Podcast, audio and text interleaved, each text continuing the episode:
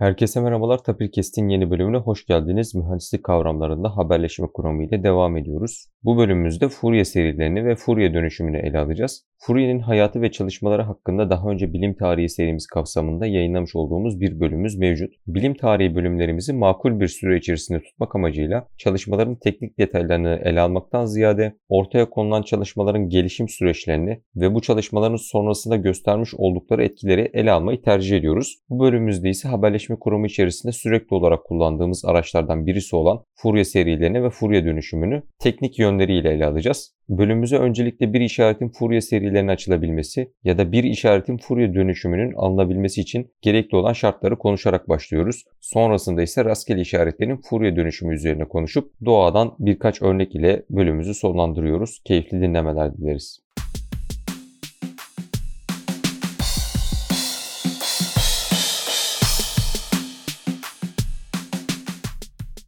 Serhan Hocam hoş geldiniz. Hoş bulduk Halil. Temel birkaç kavramı konuşmaya devam ediyoruz. Sıkça kullandığımız Fourier transformu aslında işaretler ve sistemlerde dönüşüm ve dönüşüm uzayları bölümlerinde değindik. Ancak Fourier transforma özel haberleşmede çok sık kullandığımız için ve artık rastgeleliğin de işin içine girdiği için e, Fourier transformun rastgelelik altında nasıl davrandığını da açıklamamız gerektiği için Fourier transforma özel bir bölüm çekmek istedik. Jean-Baptiste Joseph Fourier'in hayatını aktardığımız zaten çok detaylı bir bölümümüz var. Fourier transformun gelişiminden ve neden ortaya çıktığından, nasıl ortaya çıktığından orada çok detaylıca bahsediyoruz. Temel olarak ısının nasıl yayıldığını modellerken e, hemen hemen sahip olduğumuz bütün dalga denklemlerinin birkaç sinusoidal'ın toplamı şeklinde yazılabileceğini kısaca öne süren e, bir transform dönüşüm seri diyebiliriz. Bunların hepsine ayırmamız gerekiyor. Tabii seride ne gibi şartlarımız var? Fourier transforma neden ihtiyaç duyuyoruz? Bunun kesikli versiyonları nasıl çalışıyor? E, onları da biraz incelememiz gerekiyor. E, şimdi hocam bölümümüzün başında Fourier transformu konuşurken önceki bölümde Hüseyin Bor Hoca'dan bahsetmiştik ve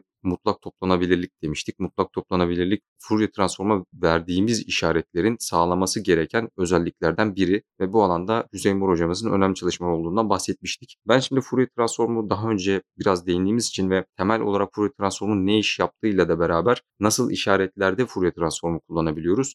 Bu doğanın bir gerekliliğinden ötürü mü bu şekilde gerçekleşiyor? Yoksa biz bunu istediğimiz için, biz matematiksel olarak hesaplamayı böyle yapmak istediğimiz için mi yapıyoruz? Bunu bir sormak istiyorum çünkü yani şöyle düşünelim. integral altında ft çarpı e üzeri eksi j 2 pi ft çarpı dt diye bir denklem yazıyoruz ve bunu tekrar tekrar tekrar tekrar sayfalarca yazıyoruz ve hep bunu kullanıyoruz ve her yerde karşımıza çıkıyor. Böyle bir şey nasıl oluyor açıkçası bunu da sorarak başlamak istiyorum. Öncelikle bana bu fırsatı verdiğin için teşekkür ederim Halil. Şimdi doğayla başlayalım. Dediğin gibi Fourier'in kendisi bu çalışmaları yaparken işte zaten çalışmasında daha önce de konuşmuştuk diye hatırlıyorum. İşte ısının belli ortamlarda yayılımı işte bir metal üzerinde yayılımı, sonlu bir uzayda yayılımı gibi bir sürü konuyla alakalı çalışırken bu fikirle ortaya çıkıyor. Tabii tarihsel okumalarda biliyoruz ki aslında bir şekilde Gauss'un da buraya ayağının değdiğini biliyoruz. Olaylar zaten işleri belli bir seviyeye getirmişti ama bunları bir araya getiren ve bir fiziksel fenomen için bunu yapan ilk kişi senin de söylediğin gibi Baron Jean-Baptiste Joseph Fourier. Şimdi Fourier transform deyince biz derste de zaten Fourier transformu anlatmadan önce Fourier serilerinden başlıyoruz. Bunun bir nedeni var. Fourier transform çok gelişmiş bir araç ama bu gelişmiş aracın çok gelişmiş özelliklerini daha yalın, daha sıradan özelliklerdeki işaretler üzerinden tanımlarsak ya da fonksiyonlar üzerinden tanımlarsak daha hızlı yol alıyoruz. Yani formasyonu böyle yapmışlar büyüklerimiz biz de onu takip ediyoruz. Dolayısıyla Fourier transform Fourier serilerinin uç sınır halidir denilebilir. Fourier serisi periyodik işaretler için geçerlidir. Fourier transformu bütün işaretler için geçerlidir. Belli şartları sağlarlarsa. Şimdi o zaman Fourier transform Fourier serisini kapsar mı? Yanıt evet. Fourier serisi ancak Fourier transformu kapsayamıyor. Fourier serisinin bir sınırı var. Dediğimiz gibi periyodik olmayan işaretler için Fourier serisi uygulanabilir değil. Burada ufak bir ayrıntıdan bahsetmek istiyorum. Doğayla bağlantılandıracağım çünkü bu noktayı müsaadenle. Fourier serisinin Fourier transforma dönüşmesi matematiksel olarak Fourier'in bildiğimiz kadarıyla okuması, okumalardan gördüğümüz kadarıyla iki senesine mal oluyor. Laplace tarafından soruluyor bu soru. Yani başka rivayetler de var ama yani bildiğimiz kadarıyla bu şekilde. Fourier'in bunu matematiksel olarak gösterebilmesi ve uç sınıra götürmesi yaklaşık bir buçuk iki senesini alıyor. Orada kritik noktayı bir satırla yazıyoruz biz derste. Eğer periyodik bir işaret elinizde varsa, bunun periyodu ıraksarsa, yani sizin gözlem aralığınızın dışına çıkarsa, hatta bunu daha önce de konuştuğumuzu hatırlıyorum. Sizin için o işaret aslında periyodik artık olmayı bırakıyor. Evet başkası için çok uzun yaşayan birisi için periyodik olabilir ama sizin için periyodik değil hatta işte örneği de galiba şimdi çikolatası da var. Halley kuyruklu yıldızı ben çocukluğumda geçerken tabii ben şahit olmadım da çikolatanın çıktığı günü hatırlıyorum. Üzerinde de o kuyruklu yıldızın resmi var. İşte Halley kuyruklu yıldızı biz de Halley diyoruz o zamandan beri. Yani ortalama olarak işte o sıralarda 50 yaşında olan bir insan için şu anda ortalama insan ömrü düşünüldüğünde hayatında bir kere rastlayacağı bir şey. Çünkü Halley'in güneş sistemi içerisindeki gezinimi yaklaşık 75-76 yıl. Yani insan ömrü de düşünüldüğünde 80 yıl 100 yıl olsa bile o sıralarda 50-60 yaşında olan birisi muhtemelen Halley'i bir daha göremeyecek. Dolayısıyla Halley kuyruklu yıldızı o kişi için periyodik olmayan bir işaret. Daha uzun yaşayan insanlar için işte 500 yaşında olan filmlerde oluyor ya vampirler falan filan muhtemelen 6-8 kere görmüştür Halley'in geçişini. Dolayısıyla onlar için Halley periyodik bir işarettir. Biraz daha geriye gittiğinizde o vampir için bile periyodik olmadığını görüyorsunuz. Çünkü vampirin vampir olduğu ana gidersek Halley'in de daha önce çalışmaya başladı. O, o da ne oldu? Bir kısmını görebildi ama içinde 10 kere tekrar etti falan filan gibi böyle felsefik bir tartışma. Fourier bu tartışmayı alıp uç sınıra götürdüğünde karşına çıkan seri çözümleme aracına transform diyor. Demiyor kendisi de biz diyoruz şimdi. Ve bunun ne kadar yarayışlı bir araç olduğunu görüyoruz. Çünkü senin de söylediğin gibi doğada bizim ölçmeye çalıştığımız işaretler ölçme sınırlarımız yüzünden zaten tanım gereği periyodik olamıyor. Şimdi bu, bu çok önemli bir ayrıntı. İkinci doğayla alakalı konu Halil bence yine senin de söylediğin gibi mutlak toplanabilirlik devreye girdiğinde bunun yanında alt başka başlıklar da geliyor. İşaretin ya da fonksiyonun gözlem yaptığınız aralıkta kesikli kesintiye uğrayıp uğramaması, süreksizliğe uğrayıp uğramaması gibi. Şimdi bu tabii elektrik mühendisliğinde okuyanlar için çok kolay anlaşılabilir ama dinleyenlerimizin ilgisini belki o anlamda değil de şu anlamda çekmek adına bu örneği vermek istiyorum. İşte hep verdiğimiz örnek işte merdiven basamağını verelim çok daha kolay anlaşılır. Ya birisinin merdivenden tırmanmasını seyretsek e, anlarız değil mi? Yani merdivenden o merdiveni görmeden ayak hareketlerini anlarız ama birisi bize merdivenin üzerinden yılan gibi diyelim sürünerek geçtiğini e, söylesek zorlanıyoruz. Çünkü merdivenin o basamağının bittiği ve yeni merdiven basamağının başladığı yerdeki o dikliği yılanın nasıl aşacağını kavrayamıyoruz kolay kolay. Dolayısıyla yılan da ne yapıyor? Böyle bir en üst noktalardakinin üzerinden gidermiş gibi yani bir doğruymuşçasına davranıyor. Ya buradan şu sonuca varmaya çalışıyorum Ali. Doğanın kendi içerisinde bizim anladığımız ölçekte süreksizlik önemli problemler yaratıyor. Dolayısıyla Kantor, Georg Kantor, Fourier serisleri üzerine düşünürken bu problemi gördüğünde işin içinden çıkamayıp aslında problemin gerçel sayılarla alakalı olduğunu düşünüyor. Yine istatistiksel mekanikle alakalı çalışan kişiler de bu problemi gördüğünde işte Josiah Gibbs bunlardan en başta geleni Fourier'in aslında o süreksizlik noktalarında nasıl çalışabildiği ile alakalı istatistiksel bir yorum yapıyor. Fourier aslında oradan olduğunu söylemiyor diyor. Fourier ne olabileceği hakkında yorum yapıyor diyor. Yani bir bakıma ortalama alıyor Fourier. Bu ikinci problem olarak karşımıza çıkıyor. Yani doğada ya da sizin ölçmenizde bir takım kesintiler ya da süreksizlikler olduğunda hala Fourier nasıl çalışabiliyoryu açıklayamamıza yarayan böyle bir yama gibi düşünebilirsiniz. Üçüncü bir durum daha var Halil. Bu da yine çok ilginç. Bunların hepsini ortaya koyan kişinin adını en sonunda söyleyeceğiz. Fourier'in kendi öğrencileri arasında ismi geçiyor malum. Biz yine doğada özellikle işte frekans spektrumu dediğimizde yani bir bir işaretin bileşenlerine ayırdığımızda bunu yine dinleyenlerimizin herkesin altyapısı aynı olamayabileceği için müzik notalarına benzetebiliriz. Yani işte herkes müziği dinliyor ama birisi de bu yazıyor bunu notalara çeviriyor. İşte o notalar o dinlediğimiz müziğin frekans bileşenleri gibi düşünebiliriz. Bu dönüşümü yaparken bir temel varsayımı olduğunu düşünüyoruz. Nedir o varsayım? Notaların temsil ettiğiyle duyduğumuzun birebir ve örten olduğu. Peki örten olmadığı durum olabilir mi? Olabilir. Örneği gerçek dünyadan vereceğim ve matematiksel olarak da açıklamaya çalışacağız burada. Birisi sürekli size artan bir ıslık frekansı gibi düşünelim. Ses çıkartsa işte düğünlerde çok oluyor ya hani hoparlörün yanına mikrofonu getirdiğinde. Bir süre sonra çok ilginç bir şey oluyor. Ya kulağınız duymaz oluyor yani sürdürmek tabii tehlikeli ancak olsaydı ya kulağınız duymaz oluyor ya da onu çıkartan cihaz bir şekilde sorun yaşamaya başlıyor. Yani sürekli artan bir frekansı olan bir işareti Fourier ile çözümlemeye çalıştığınızda problem olacağını Fourier önceden söylüyor. Bu da üçüncü gerek koşul. Bu üç tane koşulu ortaya koyan kişi matematiksel olarak da Dirichlet. Yani Dirichlet koşulları diyebiliyoruz. Bunlar gerek şart, yeter şart değil. Çok teknik ayrıntıya girmeye gerek yok. Ancak şunu söylememiz lazım. Bu nerede başımızı ağrıtıyor? Yine kozmolojide çok bilinen hatta işte bizim de şu an uğraşırken çok gördüğümüz bir problem olan Doppler problemi bunun aslında en güzel örneği. Yani siz şu an kozmik arka plan ışımasını ve evrenin ısısını tamamen bu fenomen üzerine e,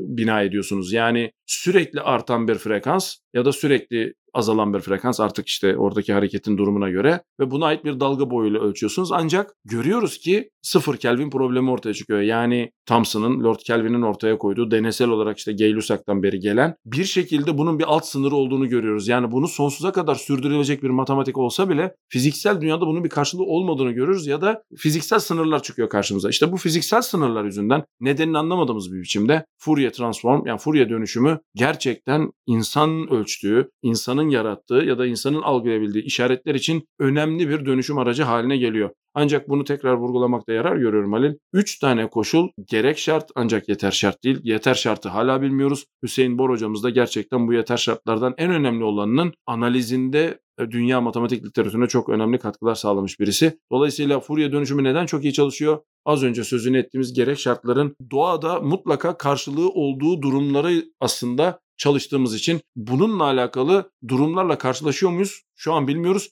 Karşılaşırsak ama doğanın bazı sınırları olduğunu bildiğimiz için yine bu sınırlara takılacağımızı öngörüyoruz şu an. Ancak bunun yanıtını şu anda verebilmiş henüz kimse yok. Hocam konuşmanızın içerisinde Gibbs'in Fourier transform üstüne yaptığı çalışmalardan bahsederken e, sürekliliği kabul etmediğinden ve ortalama aldığından bahsettiniz. Zaten Gibbs fenomeni diye büyük ihtimalle öğrencilerin çoğu ya fizik dersinde ya bir elektronik devresi dersinde görmüştür ancak bunu e, bağlamış mıdır emin değilim. Şimdi Fourier'in ortalama alıyor olması ve Fourier'in e, bizim konuştuğumuz şu an deterministik işaretler için tanımı bu şekilde gerçekleştiriyoruz. Ancak işin içine rastgeleliği soktuğumuzda yani bir işaretin kendisi hakkında bilgi sahibi değil, onun ne olabileceği hakkında, onun olasılıksal olarak hangi değerleri alabileceği hakkında bir fikrimiz olduğunda ise farklı işlemler karşımıza çıkıyor diyebiliriz. Yani Fourier'in orada nasıl davrandığını merak ediyoruz. Çünkü bahsettiğiniz e, kozmolojik ölçümlerde, sıcaklık ölçümlerinde ya da gün içinde kullandığımız hemen hemen her şeyde belirli bir düzeyde rastgelelik var ve bu rastgeleliği bizim bir şekilde ortaya koymamız ve bu rastgeleliğe göre işareti işleyip amacına uygun olarak e, yapacağımız mühendislik uygulamasını gerçekleştirmemiz gerekiyor. Rastgelelik işin içine girdiği zaman e, aslında daha önce konuşmadığımız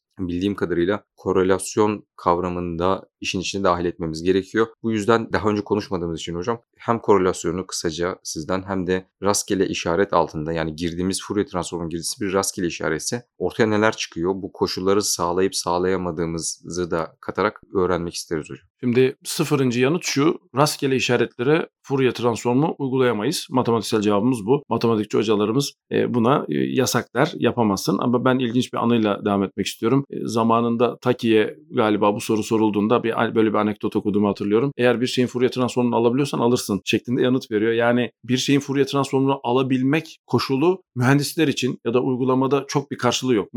Fourier aracını uyguluyorsunuz giriş şartını ve sonuç Fourier transformudur diyorsunuz. Bu uygulanmalı mıdır? Ayrı bir tartışma konusu. Yalnız ortada bir matematiksel bir durum söz konusu. Buna da atıfta bulunmamız lazım. Çok teknik olmadan şu örneği vereceğim Halil. Fourier transform az önce Gibbs'in düşey eksende diyelim yaldığı ortalamanın aslında yatay eksende de alındığı bir e, bir bir araç. Bu ne demek? Ya birisi size hatta bunun örneğini de verelim galiba Shazam buna çok benzer bir şey yapıyordu. Böyle bir uygulama vardı işte şarkıyı bilmiyorsunuz. İşte ya kimdi bu şarkı falan filan bilmem ne hemen açıyorsunuz uygulamayı. Dinletiyorsunuz bir 10 saniye uygulama. 10 saniyeden sonra size kısa mesaj geliyor. İşte bu şarkı Ahmet'in şarkısı ve şu falan diye. E, şimdi bu, bu nasıl yapıyor? Bu, bu buradan giriyoruz aslında. Fourier dönüşümü o kadar ilginç bir cihaz ki, o kadar ilginç bir alet ki rastgele girdiğiyle de çalışıyor. Ancak yaptığımız işleme rastgele işaretin Fourier transformu demiyoruz Halil. Bu, bu matematiksel zorunluluğu göz önünde bulundurmak zorundayız. Neden? Çünkü az önce sözünü ettiğimiz o Dirichlet koşullarındaki o mutlak toplanabilirliğin işaretler ve sistemlerdeki bir işaretin enerji işareti olup olmamasıyla böyle tuhaf bir bağlantısı var. Dinleyenlerimizi sıkacağı için bu ayrıntıya girmiyorum. Ancak çoğu işaret yani az önce söylediğim üzere sınırlı bir aralıkta zaten geliyor ve ölçebildiğiniz için enerjisi de sınırlı oluyor. Yani uygulamalarda Fourier transforma çok takılmamamızın matematiksel bir problem olmayışının nedeni bu. Yani birisi sizden bir uygulama istediğinde ya bunu ölçebilmişsindir. Ölçebildiğin cihazda patlamamışsa çıktısını alabiliyorsundur. Dolayısıyla Fourier transform uygulanabilir haldedir.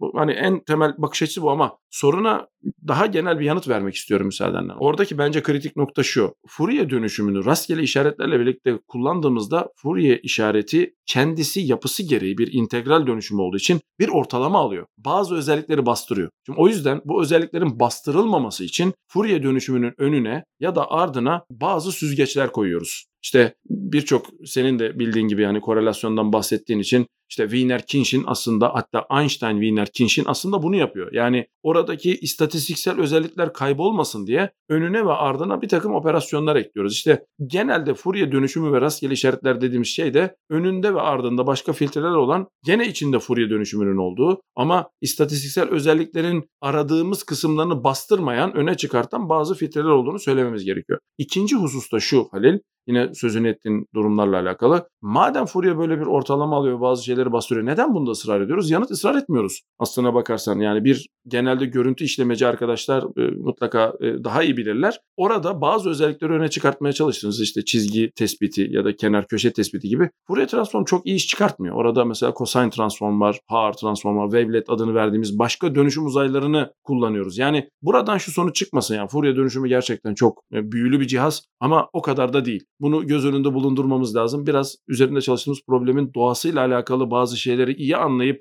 Fourier'e saldırmak gerekiyor. Aksi takdirde Fourier sizin aradığınız şeyi tam tersi bastırıp bulamamanızda sonuçlanabilir. Son olarak şunu söylemek istiyorum yine konuyla bağlantılı olarak. Rastgele bir işaretle alakalı Fourier dönüşümüne çok dikkatli davranmak gerekiyor. Sırf bu yüzden biz o yüzden işaretin doğasını önceden çalışıp o işaretin doğasıyla alakalı bir sistem üzerine hareket ederiz. Ancak buradan da şu sonuç çıkmasın. Yine son olarak onu söyleyeceğim. Fourier kesinlikle bunlar arasında istatistiksel olarak en başta durur. Yani öyle doğa işaretleri vardır ki ya da laboratuvarda üretilen işaretler vardır ki önce Fourier'in buna ne yaptığına bakmanız gerekir çoğu zaman. Ama özellikle iyi bildiğiniz bir işarette belki Fourier iyi başlangıç olmayabilir. Bu ayrımı vermek istedim Halil. Dolayısıyla rastgelelik işin içerisine girdiğinde buna çok dikkat etmemiz gerekiyor. Son olarak şunu da söyleyeceğim. E, anahtar bir yerden girdiğin için ve bunu daha önce işaretler ve işaretler ya da sistemler ve sistemler ama asıl işaretler ve sistemler bölümlerinde bahsetmiştik diye hatırlıyorum. Biz sistemleri tasarlarken doğrusallığa çok büyük önem atfediyoruz. Dolayısıyla sen korelasyon dediğinde aslında alt taraftan konvolüsyon dediğini, evrişim dediğini de e, dinleyicilerimize aktarmak istiyorum. Bir yerde evrişim varsa orada LTI vardır. Doğrusal ve zamanla değişmeyen sistem vardır. Orada LTI varsa orada frekans bölgesi vardır. Orada frekans varsa orada Fourier vardır. Yani bunu da alttan alta söylediğimizi dinleyenlerimize aktarmak istiyorum. Aksi takdirde haksızlık etmiş oluruz. Yani ben bazı problemlerde Fourier ile başlamıyor dedim ama burada frekans bölgesinin karakteristiklerinin ne olduğunu söylememezlik etmiyorum. Sadece dönüşüm uzayına geçişi sağlayan aracın adı Fourier olmak zorunda değil ama yaptığınız iş mutlak surette frekans bölgesine gider. Son olarak şunu da söyleyeceğim Halil. Çok konuştuğumun farkındayım ama doğayı şu ana kadar bildiğimiz kadarıyla yöneten sabitler söz konusu olduğunda bunlardan bir tanesi doğrudan frekansla alakalı ışık hızı. Yani bu bu yatsınamaz bir gerçek. Dolayısıyla Hani Fourier buna bir geçiş sağlıyor mu? Sağlıyor. Geçiş sağlayan tek araç mı? Hayır. Ama bunlar arasında tarihsel açıdan ve kullanım açısından neredeyse en önemli olanlarından biri diyebilirim Ali. Teşekkürler hocam. Şimdi rastgele işaretleri de bence oldukça kapsamlı bir şekilde ele almış olduk. Burada ek olarak şundan bahsetmek istiyorum. Fourier her zaman ilk baktığımız e, genelde ilk kullandığımız dönüşümdür dediniz. Fourier bölümünden de bundan bahsetmiştik. Zaten bildiğim kadarıyla hani kendine ait çipi olan dönüşüm bildiğim kadarıyla Fourier transform. Belki işleme özel, e, aracı özel olarak Başka transformlar da çip seviyesinde gömülü sistemlerde üretilmiştir. Ancak Fourier transform yani FFT çipli Fast Fourier transform aslında e, daha detaylı bir şekilde konuşmamız gereken de bir konu. Çünkü e, hesaplama araçlarında Fourier transformu dediğiniz gibi integral işin içine girdiğinde ya da seri toplamlar işin içine girdiğinde karmaşıklığı daha basitleştirmek ve hesaplamaları istediğimiz aralıkta yapabilmek için çeşitli yöntemler geliştiriliyor. Bu bölüm içerisinde de bahsettiğiniz Taki bildiğim kadarıyla FFT algoritmasının geliştiricilerinden birisi kendisi Bell laboratuvarlarında. Hem Bell laboratuvarları serimizde hem de FFT'ye ilerleyen günlerde de ayrı bir bölüm ayıracağız diyebiliriz. Ayrıca rastgeleliği ele aldığımızda sizin de ismini andığınız Einstein Wiener Kinshin'in yaptığı çalışmadan yani güç spektrumu yoğunluğu hesaplamalarından rastgelelik işin içine girdiğinde haberleşme kuramında çünkü sürekli kullandığımız bir kavramdır. Güç spektral yoğunluğu özellikle bir haberleşme e, sisteminin diyelim performansını ölçmek için ya da kanaldan nasıl etkilendiğini görmek için e, içerisindeki işaretlere neler olduğunu anlamamız için aynı Fourier transformun sağladığı bilgileri bir rastgele süreç olduğu için bize sağlayan e, aslında isminden de anlayabileceğimiz üzere güç spektrumu kestirimi olarak yapıyoruz genelde. Çünkü rastgeleliğinden ötürü bazı parametrelerini kestirmemiz gerekiyor. Bunları da ekleyip ilerleyen bölümlerde Fourier transformun aslında konuşulacak daha en az 10-20 bölüm olduğundan ne kadar konuşursak konuşalım. Gerçek hayatta gördüğümüz üzere ne kadar üstüne çalışırsak çalışalım hep farklı bir özelliğinin çıktığından e, bahsetmek istedim. Son olarak hocam bölümümüzü kapatmadan önce eklemek istediğiniz bir şey var mıdır? Son olarak şunu söylemek istiyorum Halil. Çok güzel bir yerden girdin. Bir, bir önceki soruda yani doğayla bağlantısı nedir diye bunu her zaman böyle bir ihtişamla ya da saygı duymayla artık o sözcük neyse insanların bilmiyorum nasıl bakıyorlar ama ya ben de o hissiyatı uyandırıyor her zaman. Thomas Young'ın deneyiyle aslında bunu bağlantılandıracağım ama söylemek istediğim podcast'ın başında adını geçirdiğimiz çok büyük bilim insanı daha öncesi de var ama yani Sir Isaac Newton'un yaptığı şey yani bir ışığın bir prizmadan geçmesi kainatta gördüğümüz en hızlı alınan Fourier transform. Yani böyle düşünebiliriz. Yani doğa Fourier transform üzerine çalışıyor ya da Fourier transform tırnak içerisinde yani Fourier tabii 1800'lerde yaşamış bir adam ama yani bu gündelik hayatımızda artık cebimize de uygulama olarak girdiği için belki podcast çok teknik oldu ama başında ve sonunda bu herkesin yaşadığı doğada bunun sürekli olduğunu söylemek gerekiyor. O kadar ki işte gökkuşağına baktığınızda aslında Fourier transformu görüyorsunuz. İşte cep telefonuyla konuşurken Fourier transform üzerinden işler yürüyor. Gündelik hayatınıza baktığınızda çok basit bir şekilde aslında yani çok sıradan bir şekilde çok sayarak Fourier transform alıyorsunuz. İşte bazı olayların oluş sıklığına bakarak davranışınızı değiştirme gibi. Ya ben gerçekten bunu söylemek istedim çünkü ışık işte hala şu anda çalışılıyor, herkes çalışıyor. Doğanın yani uzay zamanın o olgusunu açıklarken bile karşımıza çıkan bir şey olduğu için bence çok önemli, çok ayrıntılı dediğin gibi konuşulması gereken bir şey. Dolayısıyla doğada, doğanın içerisinde, doğanın kendisinde olan bir şey. İşte 1800 yıllarda ortaya çıkan bir matematikçi vasıtasıyla şu an cep telefonumuzun içerisinde her yerde kullandığımız bir şey. Yani ben o yüzden Fourier transformu normal olarak yani işaretler ve sistemler adı altında başlı başına çok özel başka bölümlerin de olması gerektiğine inanıyorum. E, dediğin gibi yani çok başka bakış açıları da var yani işte tıptan tut da astrofiziğe kadar her yerde kullanıyoruz. E, hatta biliyoruz ki şu an gen diziliminde bile bu kullanılıyor. Yani bu doğanın içinde olduğu için bu kadar yaygın. Yani işte birileri kör değneğini beller gibi her şeye Fourier transform uygulamıyor. Biz bunu bilerek yapmıyoruz. Doğanın galiba içerisinde bir yerde saklı. Dolayısıyla Fourier transform o yüzden çok özel bir matematiksel araç. Hem çözdüğü problemler hem de çözemediği problemler. Evet, teşekkürler hocam katıldığınız için. Ben teşekkür ederim Halil. İlerleyen bölümlerde tekrardan görüşmek üzere. Herkese iyi haftalar diliyoruz.